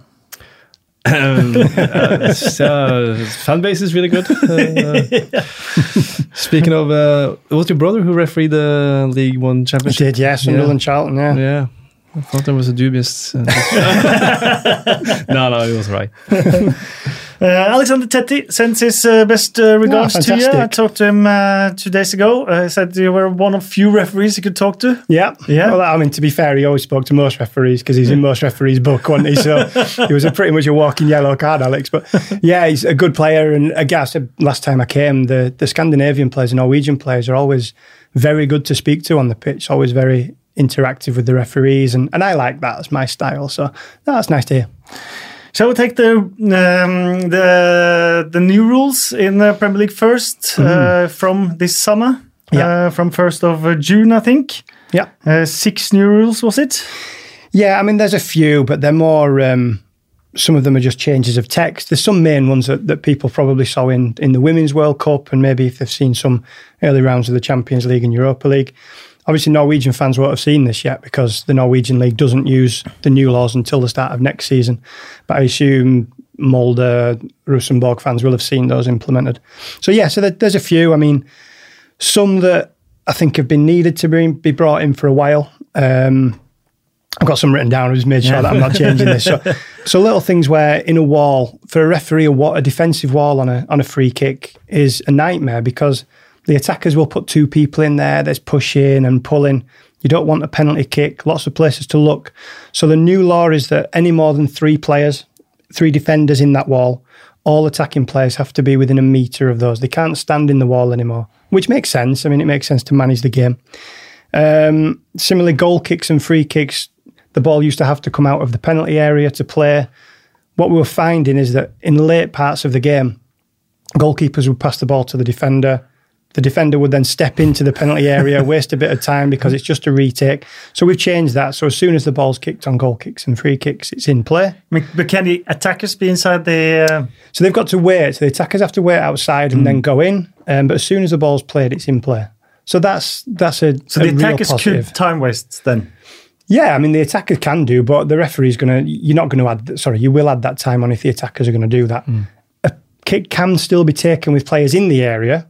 Um, it's just players sometimes are just retreating outside of the area. So if the ball's played, then that's fine. But obviously they can't stand one meter in front of the goalkeeper when he kicks the ball. So. Um, I'll come to handball because I'm sure that's the one that we'll talk about the most, isn't it? That's the one I'm still trying to work out. Um, so kickoffs again, small things that, that used to be that if you won the toss, you could only choose which way you were playing. Now you can choose to kick off. I'm not sure it makes a huge difference, but again, these are things that they felt were needed. Drinks breaks is fantastic because I'm refereeing tomorrow, so I can take one of those, claim it's medical, and have up to three minutes. Um, but again, I mean, the, some of the teams because the season seems to be getting longer now you can't play in 35 degree heats and not and not have uh, you know breaks like that. So the two that I think are the main ones, penalty kicks and handballs. So the the Women's World Cup, um, from a from a referee perspective, I think it's difficult to manage a goalkeeper now having to keep one foot on the line when a penalty kick's taken. There has to be a, a rule. There has to be a, a, a line drawn. And we saw retakes in the, the Women's World Cup when players were centimetres off the line factually it's correct because it's black and white, it's written. You might not see that in the Premier League next season. I'm, I'm absolutely certain. I know that those won't be given as retakes next year. Doesn't have one centimetre, two centimetres, doesn't have an impact on on that penalty being scored or missed. So that will be changed. But it is in law, it is a change that a goalkeeper has to stay on the line. Um, the handball is huge. That, that's the big controversial one. I actually had a look. The laws of the game 1989 90. So what's that, 30 years ago? Yeah. Um, there were 60 pages in the, and that's an international book. So it's 60 pages in this. This year's has 222. So you can see that football's evolved in 30 years Mm. into more laws. Handball is the only law really where we have to judge whether it's deliberate or not. The other ones it doesn't really come into the referee's mindset. Again, we saw them at, in the Champions League final, a handball that was given. That won't be given in the Premier League next season. Um, and now we're saying it's an unnatural position. So basically, I've got it written in front so I don't I don't confuse anyone. Um, it still has to be deliberate. The difference now is that any goal that is scored with the hand, deliberate or not, cannot be allowed, which is which is correct. So the Fernando Llorente goal against uh, Man City Yeah. in the Champions League quarterfinal, Yeah. that would be disallowed. I mean, at that time, it should actually be disallowed Yeah. because it was, you know, but I don't think the referee on the field actually got the correct camera angle to see that. Um, so that would be disallowed now. Even just a touch of the arm, a goal can't be scored with the arm. And, and as I said, and that's fair. Um, so again, if a player's arm is raised above their shoulder, it says in law they run the risk. That kind of gives a referee a little bit of interpretation. Um, but if they're raising their hand above the shoulder, there's not many opportunities that a player would naturally raise their arm above the head to put in a natural position. So again, that's running a risk of a penalty kick. Also, the players who go to ground and put their hand down, it's now been defined that if they are just stopping their, their body underneath them, that's not going to be a penalty. That is a natural position. Like Thiago Silva in the Copa America. Yeah, yeah. Yeah. So if you fall over and place your hand on the floor, where else is your hand going to go? It's a mm. natural place to put it. So again, that's not going to be a penalty. However, if you're sliding and your hand is above your head, that would potentially be a penalty kick. So again, these are all things that the referees have got to take into account. Sometimes the more you write within law, the harder you actually make this because it then opens more and more interpretations. Handball's the one that you're going to see made a little bit difficult, I think, next season. It's going to be hard for the refs. But I saw, uh, I got the, uh, this link from uh, Morten AG uh, on uh, Twitter um, from Tottenham Hotspur. Yeah. Uh, they had been schooled by the, the referees and the, the VI, VAR. Yeah. And, and they- they're writing that the Danny Rose handball, Yeah. uh, Tottenham Man City, the uh, PSG handball against Manchester United, and uh, the Moussa Sissoko Yeah. handball in the Champions League final would not be deemed by the PL VAR as handball. Correct. It, simply because if you take the Champions League final and probably the Manchester United one as well, the Champions League final is so close. And I know people will say, yeah, but his arm's raised. It actually comes off his chest first. So that that's not a deliberate act. I mean, no player will chest it onto their own arm. Yes, his arm's raised, so he runs the risk.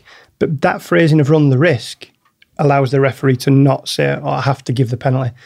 The Manchester United one again, it's fired from close range. The player's not looking at the ball. He's actually turned his body now. Again, hmm. if I bring my right arm round, it's going to be where it hits that player. Where you can't, you know, we don't want to see defenders with hands in pockets. So there has to be an understanding that it's going to hit your hands. Hockey actually has just changed their law, hmm. their rule, that if it hits their foot, it used to be a penalty all the time. Now they've said actually we we understand that that's not the case. It can just be an accident. we we sort of need to understand that in football. You're on land hockey now.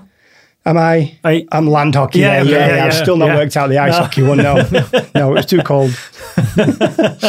so yeah, I'm on the English that kind of that one. Um, so yeah, so yes, there's going to be confusion. It's going to be hard for the referees to to get used to this as well. Um, and again, players say, "Oh, but we've always done it this way." So have refs. You know, I, when I was brought up in terms of even silly things like playing advantage, you play with two arms. Now it says, oh, you do it with one arm. I can't do it. I've tried it in games over here. It's still two arms that come out. So some things that you just sort of naturally do because that's what you've always done. So it will take time. Um, it's uh, it's obvious that the VAR uh, at times, uh, both in the Champions League in uh, the last uh, year's World Cup and this World Cup this summer, has taken a lot of uh, game time. It's uh, taken a lot of uh, focus uh, on uh, decisions. Uh, but I can read out of um, out of the Premier League that they will set the bar a lot higher. Yeah. they will not interfere as much. Yeah. And I, I think that's got to be a good thing. I mean, I, I watched quite a lot of the Women's World Cup, to be honest. And okay, we, we can argue and say, but the decision was correct. But actually, we still have to understand that this is a product. This is something that people want to tune in to watch. Having a game that's 115 minutes long is not something that football fans want. So, yeah, the Premier League bar will be high. You won't see the referee being called to the side monitor unless it's in exceptional circumstances. So, there will be that trust that when the VAR says, I don't know, Martin Atkinson, I think, he's doing the, the Community Shield. Martin, this is, you know, this is a red card. Mm. He's going to trust that. You know, they're a close group, so they, they'll trust each other. They work together. Um, because I think what we saw at the Women's World Cup was the referee who gave a decision and was then told to go and review that. As soon as you're told to review it, I think naturally in your head you're thinking, I must be wrong. Otherwise, I wouldn't be told to review. I think there were one or two instances where the referee's gone to have a look and thought, I'm happy with my original decision here.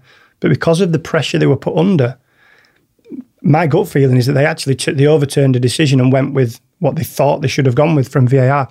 That's not what it's for. Hmm. If if if we're watching a video clip for two minutes, it's not a clear and obvious error. It can't be. No, it can't be. It's Yeah. got to be one where I know we have goal line technology now, but it has to be a Frank Lampard over the line hmm. situation where the world says, "Well, that's a goal." Hmm. It can't be one where fifty percent say yes and no, and we argue for two minutes. That will kill football. So I think the Premier League have made a good decision here to, to move away from that. Yeah, it's a little bit. Uh, it's a little bit back to the VAR roots, what it was uh, actually supposed Yeah, to yeah. be, uh, and that uh, gives even me some hope and optimism for for VAR. So it will be um, clear and obvious errors Yep. or serious missed incidents. Yeah. Yes, and it's goals, Yep. direct red cards, Yeah. penalties, and mistaken identity. Yeah. Uh, in addition to, of course, offside, which is a black and white decision. Yeah. Yeah. But again, the offside will only be affected if it involves a goal or Yeah. a penalty kick. It's not they're not going to look at every single offside. What the Premier League have done, and again the, the guys in there have worked so hard at this, when a goal's scored, they want the check for offsides, potential fouls in the build up, everything to be finished before the goal celebration finishes. So then, then it's clear. We're not waiting around to kick off, saying the VAR's looking. I'm sure there'll be some instances that, that that need more time to look, but they want all that finished. You know, can you imagine the Aguero goal? He scores, he wins the league, and suddenly they then have to stand there to confirm that the goal was okay. So the guys work really, really quick on this now. So they they're, they're very good at what they do. and um, it's uh, end of an attack. That's that's a time limit. It's not it's not by seconds or anything. So so the the Salah goal against Southampton is it Yeah. where Keita is in offside Yeah. in the attack before Yeah. it would still be a goal. Yeah, so again, this is down to an interpretation for the VAR because what you'll see, the VAR and the video, the radio sort of communications guy, they're talking all the time. The VAR will say, attack, new attacking phase. All the time they'll say this, hmm. new attacking phase. At this stage, a little button will be pressed, a little check button by the guy next to them, so that they know if they do have to go back and check anything within that, they know exactly where they're going back hmm. to. So you actually spend 90 minutes saying new attacking phase. Yeah. So you've got to understand football then hmm. to understand okay when does when does an attack break down? So you could go back five seconds. You could go back to their own half. Could be hmm. their own penalty area technically when when an attack starts. So yeah, that's going to be uh, that's going to be interesting for for fans to understand This is where refs have to understand the game. I think we do. I think we do.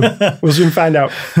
And one big difference uh, from the Champions League and from the Women's World Cup, that's uh, how the assistant referee will act with the flag. Hmm. Uh, here in Premier League, they will raise the flag Yeah. if they think it's an offside, but the play will go on. Correct. Yeah. Yeah. So again, there's a slight danger in that because as soon as you put the flag up, the argument for the defence is, "Well, we stopped because the Yeah. flag went up." The argument that goes back to them is a flag doesn't stop a game of football; the whistle does. Mm. So the flag is only an advisory thing for a referee. I'm sure naturally a defender will stop when they see it, but we don't want that where they keep it down, they keep it down, it goes on ten seconds, then it's offside. Mm. You know, it, they make 99% of their decisions correct. So let's back them. Yeah, if if yeah. they're still going to be at 99%, all we're saying is potentially that 1% that's incorrect, we might just up that little bit. But let's not stop the flow of the game. If it's on the halfway line, that's not a goal scoring opportunity. If the flag goes up and it's wrong, it's wrong. It's a free kick. Yeah, I think it was quite uh, comic, really. Yeah, Uh, was, many yeah. of the situations in the in the World Cup uh, Yeah. this uh, summer, especially if there's an obvious offside, the flag doesn't come up, they clear the ball out, then the ball Yeah. comes back and they score, and it Yeah. doesn't get disallowed. Correct. And you get another, you get a different kind of play, a football game than you would have if the flag had come up. Yeah, we, we just want to keep the game flowing. Mm. And we, I think we said last time when we came in about VAR before it had gone anywhere really. What we don't want is to take passion and take that sort of fluidity out of a game of football. We love it because it's so you know it's so fast moving, especially the Premier League. We don't want to have two minutes standing at a screen saying VAR check in progress. That's that's not entertaining for anybody.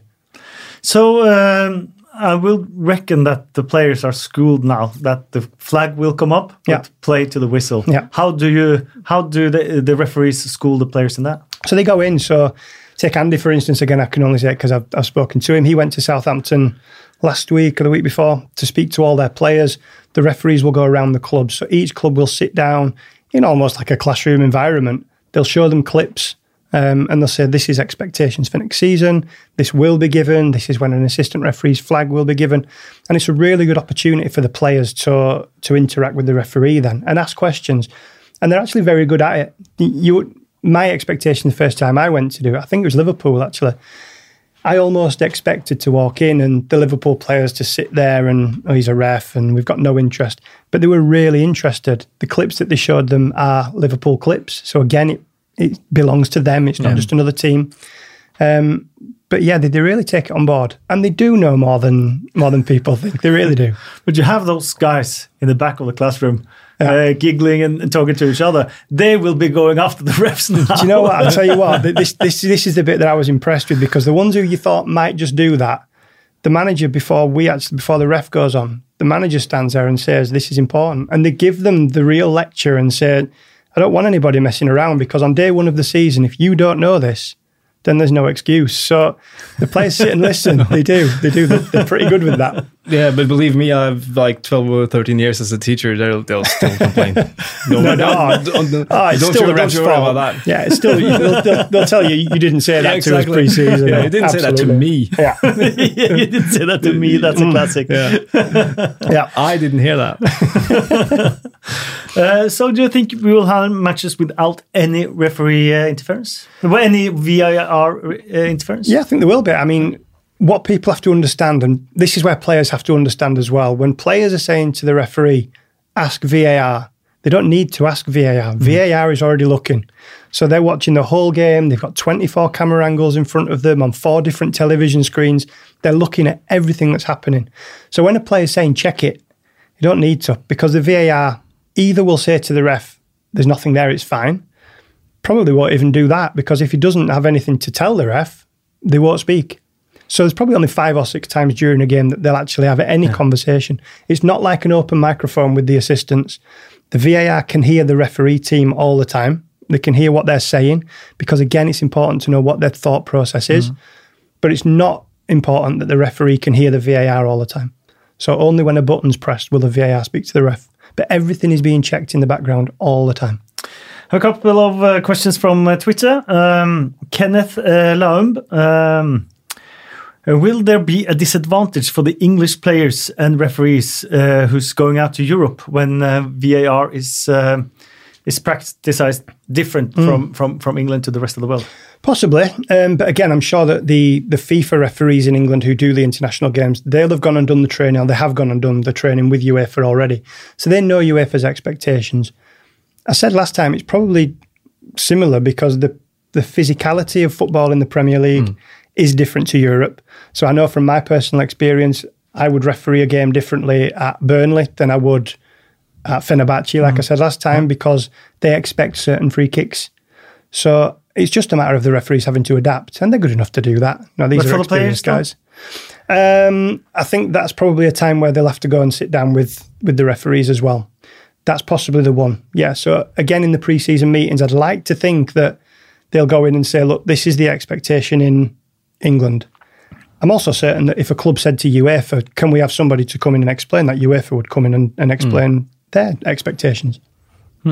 Is there still a yellow to uh, give the VAR sign to the referee? Potentially, but no. It, I think uh, originally, It's uh, Anders asks. Yeah, and originally I think the idea was that everybody will be yellow carded who asks, but I think it's a natural reaction at times when you're really desperate for that decision. People are going to do that, um, so a referee will probably take that and have a bit of empathy with it. If somebody's running forty meters and then doing that in the referee's face, then that's just dissent. So there, there could still be, but I think you you're less likely to see it. Um, Raymond Carstensen uh, asks, uh, how does uh, referees uh, uh, train on the use of uh, VAR? So in the Premier League, they've been training for over two years now. Um, so they will go to St George's Park initially. They brought in youth teams from Birmingham City, Kidderminster, and they set up like a little tournament, two day tournament.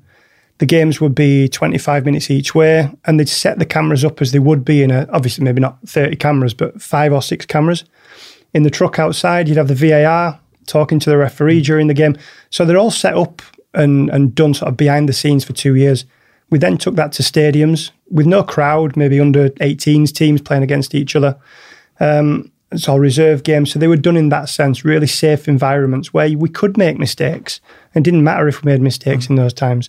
Come together, analyse your clips straight after the game, have a look at the clips that are made, and they'll just constantly do that throughout the season. So when they go to St George's Park every two weeks, I'm sure every single meeting that they have, there'll be something there as a physical thing out on the field and say, okay, we, we need to improve on this section or really to make sure that they're all looking, seeing from the same hymn sheet. You don't want one guy thinking it's a red card and one thinking it's a yellow. Otherwise, you may as well stick with the referee's decision. Uh, Helge Kallekleiv uh, asked, and he's uh, probably been answers, but he he um, he cites uh, Premier League's own uh, websites. Uh, what you should ask yourself is: Do I think it's right or wrong? You, uh, what you should not ask yourself is: Do I think it's right or wrong? The question is: Is what the match officials have done a clear and obvious mm. error? We keep a very high bar for that intervention. Yeah. Mm. And this is where the difficulty comes in because if I go and assess a young referee, what I can't do is tell them they're wrong because that's not how I would have done it. I've got to look at them and say, is what they did wrong and it had a negative impact on the game? If it didn't, then who am I to say it's wrong? Mm. So again, I could look at a clip with you. You say it's a free kick. I say it isn't. That's just opinion.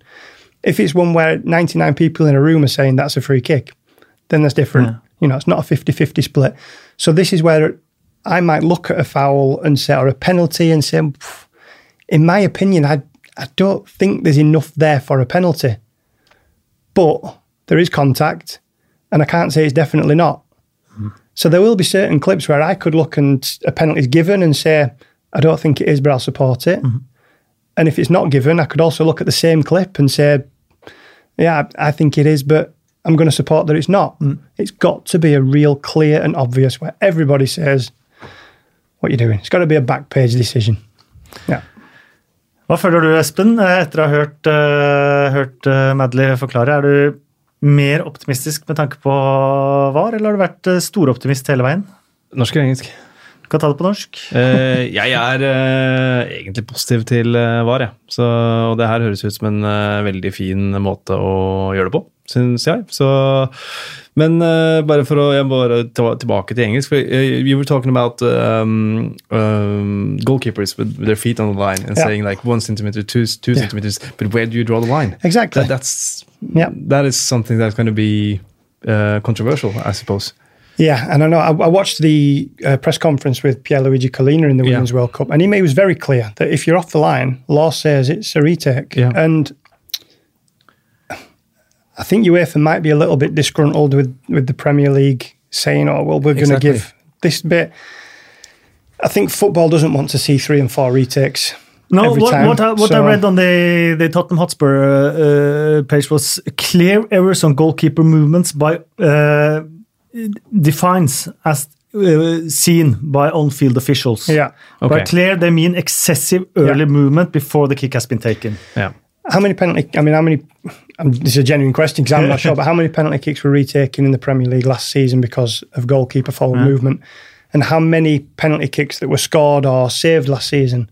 Was there a huge, you know, media witch hunt because he came so far off his line?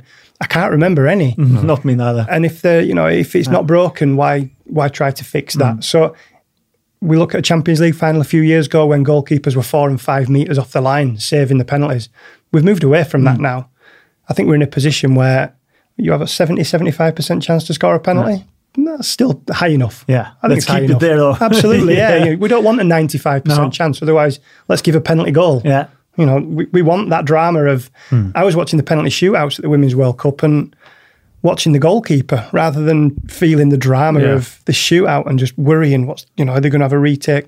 We don't want that. No. That's not what we want.